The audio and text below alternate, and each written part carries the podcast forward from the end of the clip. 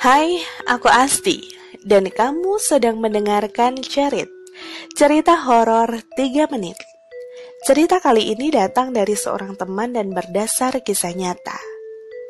Adalah Pak Tarmin, seorang kuli pikul yang biasa bekerja pada Pak Darto sebagai pemikul peti sate.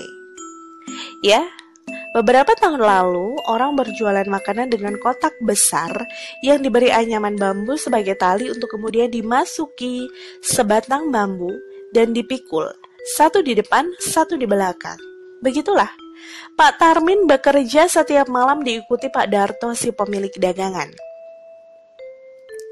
Malam itu begitu dingin, pasti banyak orang-orang lapar.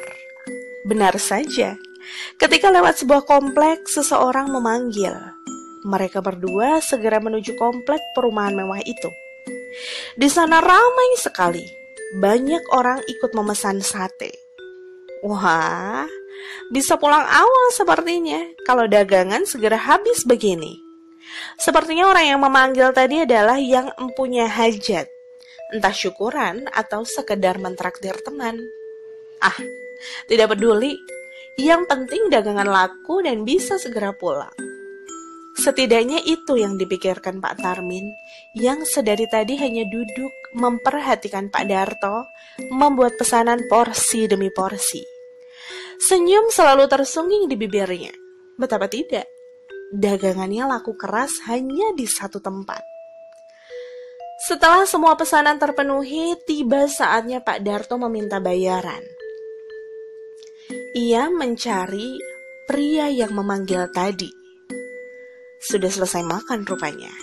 Ketika Pak Darto meminta uang dari sate yang ia jual, pria tadi tidak memberi, akan tetapi menyuruh Pak Darto mengambil sendiri berapapun sesuai keinginannya. Tambah girang hati Pak Darto. Apalagi di hadapannya ada tas besar yang sepertinya sanggup menampung banyak uang. Dengan perasaan tak sabar dibukanya tas itu, dilihat isinya tapi terlalu gelap di dalamnya. Pak Darto lebih membungkuk lagi. Pak Tarmin pun ikut mengamati isi tas. Beberapa saat meraba-raba, Pak Darto mendapat sesuatu, tapi bukan uang.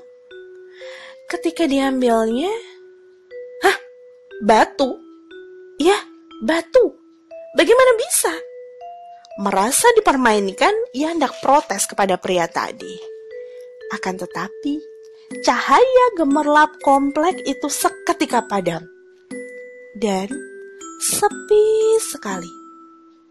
Pak Darto dan Pak Tarmin mencoba menelaah di mana mereka. Setelah matanya terbiasa dengan gelap, mereka menyadari bahwa tengah berada di sebuah komplek pemakaman.